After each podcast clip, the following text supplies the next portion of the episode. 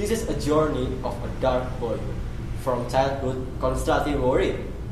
Always found fingers at him point. He tried to amuse others in hope of getting a yes or no. But always found he was left alone. He laughed, jostling, and played. Meant no harm in his every way, but hush and shush were his only replies. He followed the world's rule in order to get the required stars. Just to find others deemed he's not worthy to the bars. Rejections he got. Slaps here and there. Mansai believed he'd be falling. That side regretted he bore the name of the family. His hopes, dreams, and fears neither good enough nor worthy the understanding ears.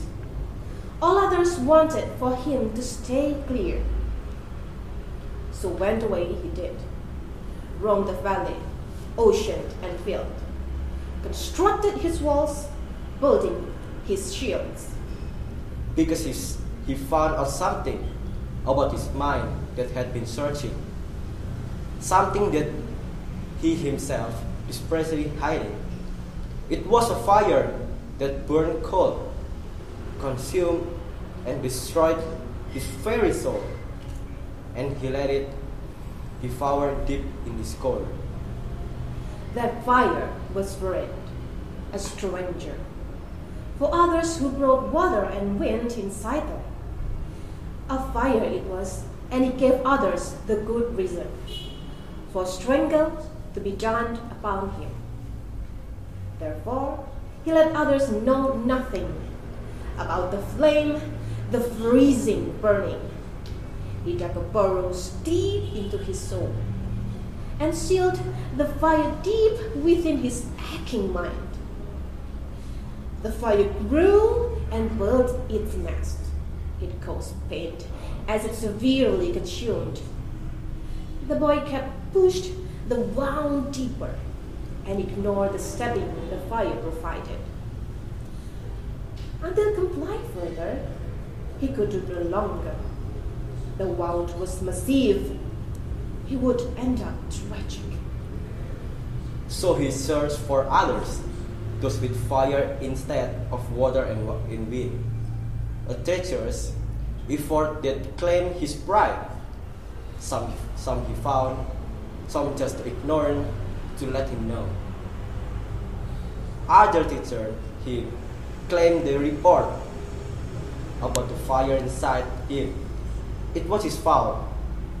The understanding not yet. Quick to judge his fault. They even abuse and besiege his knowledge. He asked for help from people of fire. He screamed, begged, even though it made him ashamed. Helping a friend, he, he received none. none. Bursting and punching sent to him all at once. All by himself, he endured the pain from the beating outside of him. The humiliation arose within him, and the notion of survival he found sparked from him. Dark Boy is now a man who just wants to have company, even a friend. Those are a bit difficult to earn. When they realize he, doesn't have the same view and mind. Ergo, he decided that he has traveled far, that people of the world are beasts from Tartarus. Yes, they are. Act accordingly and speed their hate even from afar. Their hate is disease, their ignorance become leper. In their mind, they set the value. Being different makes you a spotted lame, a creature worthy of being condemned. For the fire inside you lashes and burns you deserve. To be crushed and slashed and reaches to grumble.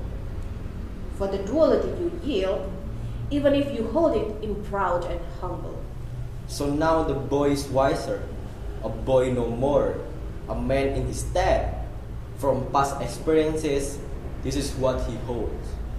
that caring for yourself is nothing to be ashamed of. Though something like cursing the gods is what he needs to clash, and burning their temple flame into ash and carcass no less, is something he himself do must.